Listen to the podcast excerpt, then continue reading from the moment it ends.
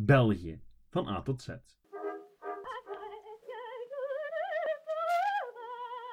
Welkom bij Geschiedenis van België. De enige echte podcast over Belgische geschiedenis, tenzij er plots iets veranderd is en we plots met meerdere zijn. Maar in elk geval, welkom in het nieuwe seizoen. Een seizoen waarin we alfabetisch gewijs door de geschiedenis van België reizen. Niet chronologisch, zoals vorig seizoen, en toen gingen we ook nog op zoek naar het waarom van België. Nu, die aflevering kan ik nog altijd beluisteren, maar dit, ja, dit wordt iets helemaal anders. Deze keer pin ik me niet vast op een bepaalde vraag, een bepaald thema of zelfs een bepaalde tijdsperiode. Wel op een alfabetische volgorde, waarin we de Belgische geschiedenis bekijken van A tot Z. Van de Ambiorix tot het Swin, van Breugel tot de wafelijzerpolitiek, van Kuifje tot de schoolstrijd. Alles kan en alles mag, zolang het maar te maken heeft met België en vasthangt aan bepaalde letter in het alfabet. Vandaag beginnen we, zoals logisch is bij het alfabet, bij de A. De A van Albertijn, de Ardennen en Ambiorix. Want waar beter te beginnen dan bij de zogenaamde Eerste der Belgen? De leider van de stam, wiens naam veel en veel later de naam van het historisch ongevaltje genaamd België zou worden. De man die zelfs de grote Caesar partner wist te spelen. Dat, dat is dus een man om een nieuw seizoen mee te beginnen. Dus, wat weten we over Ambiorix? Wel, um, de gemiddelde Belg weet waarschijnlijk dat hij een stamhoofd was tegen de Romeinenvocht en misschien ook dat er een standbeeld van hem staat in Tongeren. En dat is ook allemaal juist. Um, als je gelooft dat hij ook daadwerkelijk bestaan heeft. Want daar wringt soms wel het schoentje. Alles dat we weten van Ambiorix komt eigenlijk van de man die hem verslagen heeft en, naar alle waarschijnlijkheid, zijn stam heeft uitgemoord. Een zekere Julius Caesar. Um, by the way, voor de puristen, ik zal uh, Latijnse namen vandaag uh, gebruiken naar het ja, vernederlandse, dus Caesar en Cicero, in plaats van Caesar en Cicero. Het is een, een esthetische keuze, zeg maar. In elk geval, die Caesar die viel in de jaren 50 voor Christus Gallië binnen en onderwierp langzaam maar zeker het hele gebied. Het belangrijkste schriftelijke verslag over al die oorlogen in Gallië is het Commentarie de Bello Gallico, het commentaar op de Gallische oorlogen, geschreven door onze Caesar zelf. Wat dus zeggen wil dat Caesars commentaar de belangrijkste overgebleven bron is over zijn eigen daden. Caesar gebruikt zijn commentaar om zijn verhaal aan het thuisfront te presenteren. En daarmee bedoel ik vooral de Romeinse Senaat. En wat de Jules dan zegt over al zijn veroveringen, dan moet je inderdaad met een kooltje zout nemen. Het is een beetje zoals al je kennis over het Midden-Oosten baseren op persconferenties van een Amerikaanse president.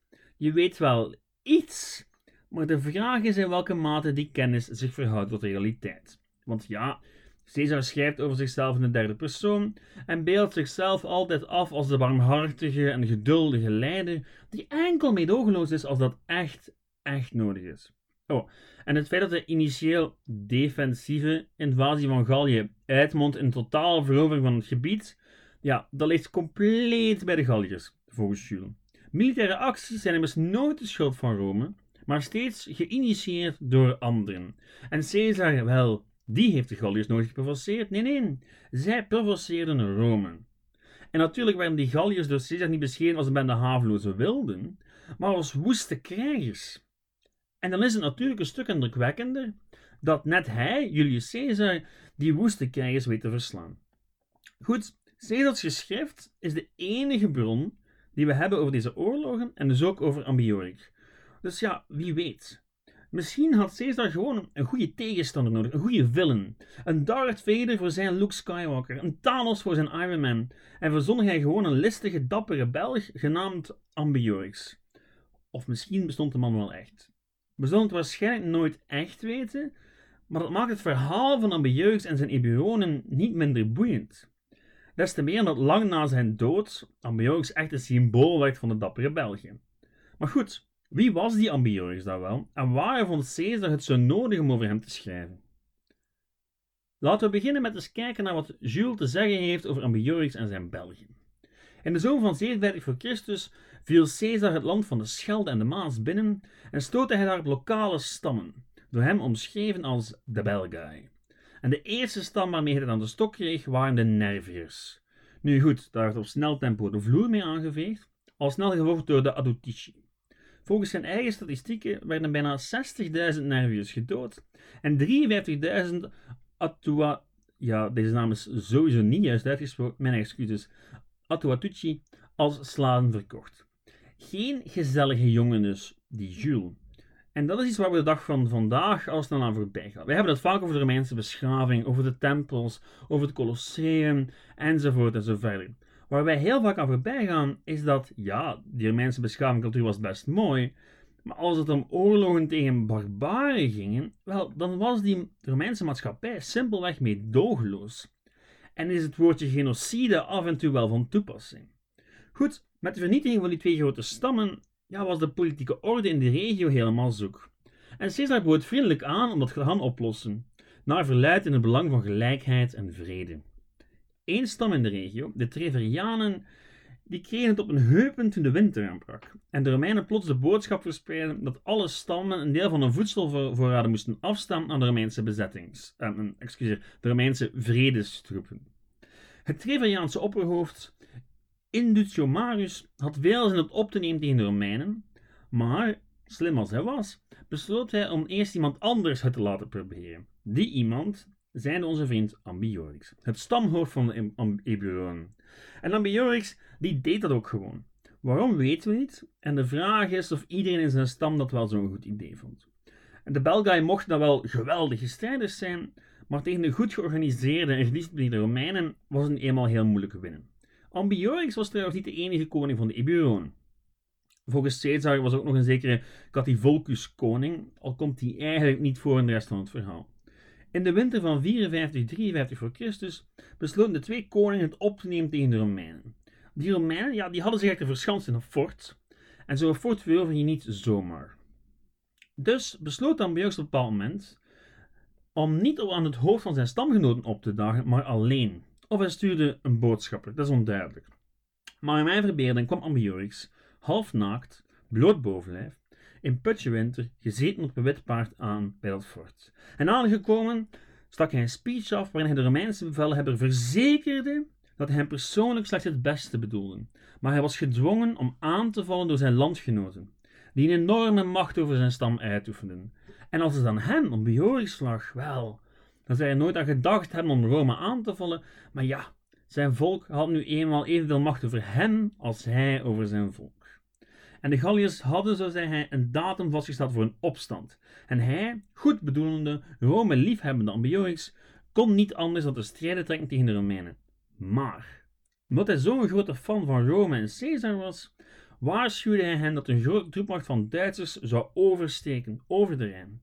En dat de Romeinen maar beter zouden maken dat ze wegkwamen.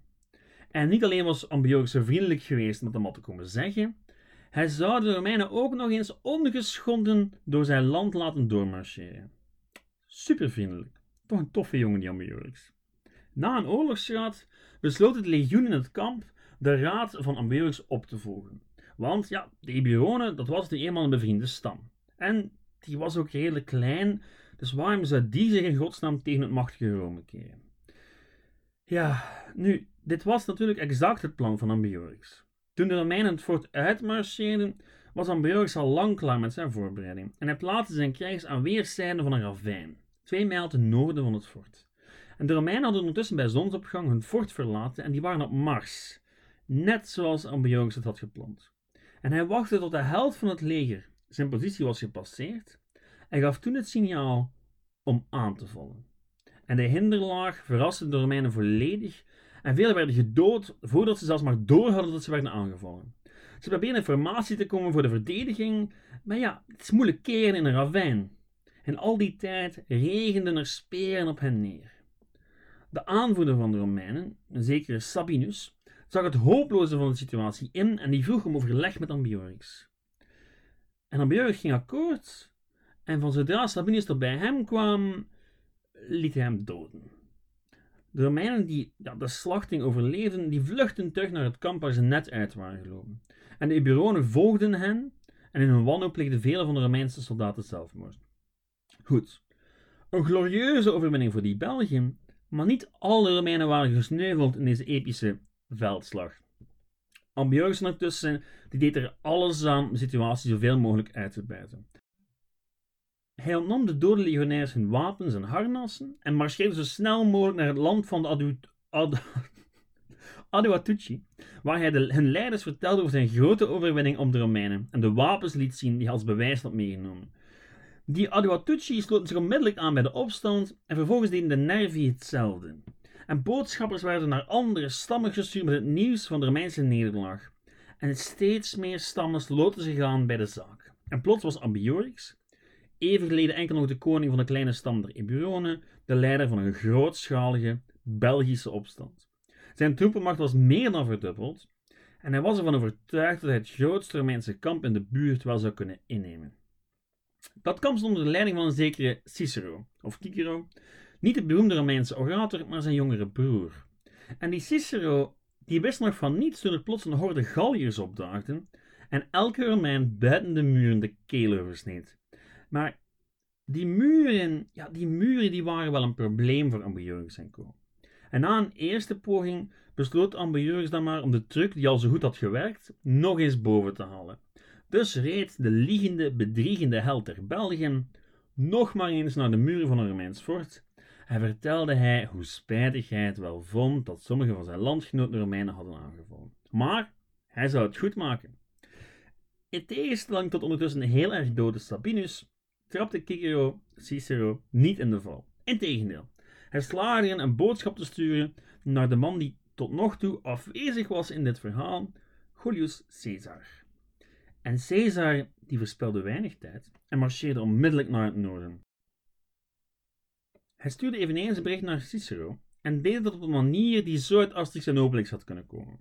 Aan een Gallische overloper gaf hij een speer en in die speer was een bericht voor, voor Cicero verborgen. Ja, een James Bond speer, zowaar. De overloper gooide de speer over de muren, waar ze drie dagen lang bleef liggen. Want ja, een speer in een militair kamp valt niet echt op. Maar uiteindelijk vond er toch iemand de speer en het bericht verborgen in de speer.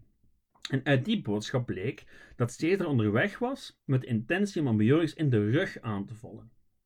Nu, Ambiorix ondertussen, ja, die had wel vertrouwen in nieuwe overwinning. Want Romeinen moeten ook eten, nietwaar? En pas toen de Romeinen het kamp wat arroganter begonnen te worden, drong het tot Ambiorix door dat er misschien wel hulp onderweg was. Dat Caesar zelf misschien wel onderweg was. En ja hoor, niet veel later merkten de Galliërs Romeinse kampvuren op. Ambiorix riep zijn mannen terug van de aanval en gaf opdracht tot snelle mars op Caesars positie. En Caesar, ja, die zag ze van een afstandje komen en die zette zijn eigen vol. Hij liet de versterking bouwen op de hoge grond van een heuvel met uitzicht op de vallei waar de Eburonen vandaan zouden komen en gaf de opdracht het fort zo klein mogelijk te maken, om de indruk te wekken dat hij slechts een paar soldaten had in plaats van een slordige 7000. En daarbovenop, behalve zijn mannen, om bang te lijken voor dat naderende leger. Dus goed, onze Caesar was wel ongeveer even leep als de Ambiorix. Nu, dat leger van Ambiorix was heel erg verbaasd dat er zo'n kleine troepenmacht gestuurd was. Of dat het zo'n kleine troepenmacht leek in elk geval. En ze werden er zelfs een beetje kwaad van. Want hadden zij niet net een heel Romeins legioen een kopje kleiner gemaakt? En nu stuurde die lafaard van een Caesar enkel en alleen een klein legertje dat zich dan ook nog eens op een heuvel verschansen moest. Ja, daar zouden ze snel komaf mee maken. Eenmaal de Belgen zich in het open veld hadden gewaagd en Caesar zag dat ze nergens dekking en verdediging konden vinden, gaf hij opdracht tot de aanval. Alle poorten van het dicht opeengepakte fort werden opengegooid en de Romeinen renden de heuvel af, de cavalerie voorop. En die brak de Eburonische linies. De veldslag was even snel voorbij als hij begonnen was. De Eburonen leden zware verliezen en degenen die het overleefden werden bij hun ontsnappingspogingen in stukken gehakt. De Romeinen gingen door met het afslachten van iedereen die op de heuvel werd gevonden. En enkel Ambiorix en een paar van zijn mannen ontsnapten. En dat, ja, dat was volgens Caesar in elk geval het laatste dat gezien werd van Ambiorix. Die Indutiomarius van de Treverianen, die Ambiorix het idee had gegeven voor de hele aanval, die vond niet veel later zijn einde in een andere veldslag. En de medekoning van Ambiorix pleegde zelfmoord toen de Romeinen wat resten van de Eburonen aanvielen. Een groot deel van de stam verloor zijn leven wat volgde en waarschijnlijk kwam een ander deel in de slavernij terecht. Ambiorix vluchtte dan waarschijnlijk de Rijn over, waar hij veilig zou zijn voor Caesar en zijn legioen. Goed. Tot het relaas van onze vriend Caesar, want alles wat ik je net verteld heb, ja, dat is basically wat er te lezen staat in de Bello Gallico. En dat is dus de versie van Caesar.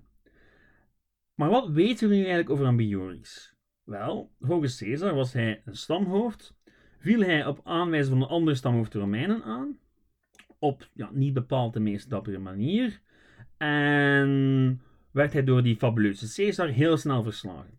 Goed, maar in plaats van dapper te sterven met de rest van zijn stam, koos Ambiorix zelf het hazenpad. Als je al die eigenschappen bij elkaar neemt, ja, dan krijg je niet het gevoel dat Ambiorix het prototype is van de held, een prototype is van deugd. En toch is dat net wat hij zou worden in de 19e eeuw. Want na de vlucht van Ambiorix verdwenen zowel hij als zijn volk nevelen van de geschiedenis. En hun herinnering is ironisch genoeg bewaard gebleven door Caesar en vervolgens door andere Romeinse historici die dat werk als bron gebruikten. Maar eigenlijk werd er in de eeuwen na Caesar zelden veel aandacht geschonken aan Ambiorix en co. Tot 1830. Want in 1830 werd er plots een gloednieuw natietje geboren, genaamd België. Ze waren genoemd naar dat oude volk, de Belgae. De enige echte link tussen die Belgen van toen en de Belgen van 1830 is dat ze in min of meer hetzelfde gebied woonden. Al ja, valt ook dat wat te nuanceren, want steden zoals Trier en Reims bevinden zich tegenwoordig niet in België. En toch werden die Belgae in de 19e eeuw, na het ontstaan van het eigenlijke België, door velen beschouwd als de trotse voorgangers. En werd de Bello Gallico zo selectief mogelijk gelezen, om dat nieuwe België er toch maar zo goed mogelijk uit te laten komen. En werd in zekere ambiance tot heldenstatus vergeven en kreeg dan ook een standbeeld. Goed, dat standbeeld het is dat van de halfnaaktman met de enorme snor op het centrale plein in Tongeren. Dat is dus de man die op heldhaftige wijze een roedel Romeinen in de hinderlaag lokte om ze vervolgens meedogenloos af te maken. Een teken van Belgische heldhaftigheid, weet je wel.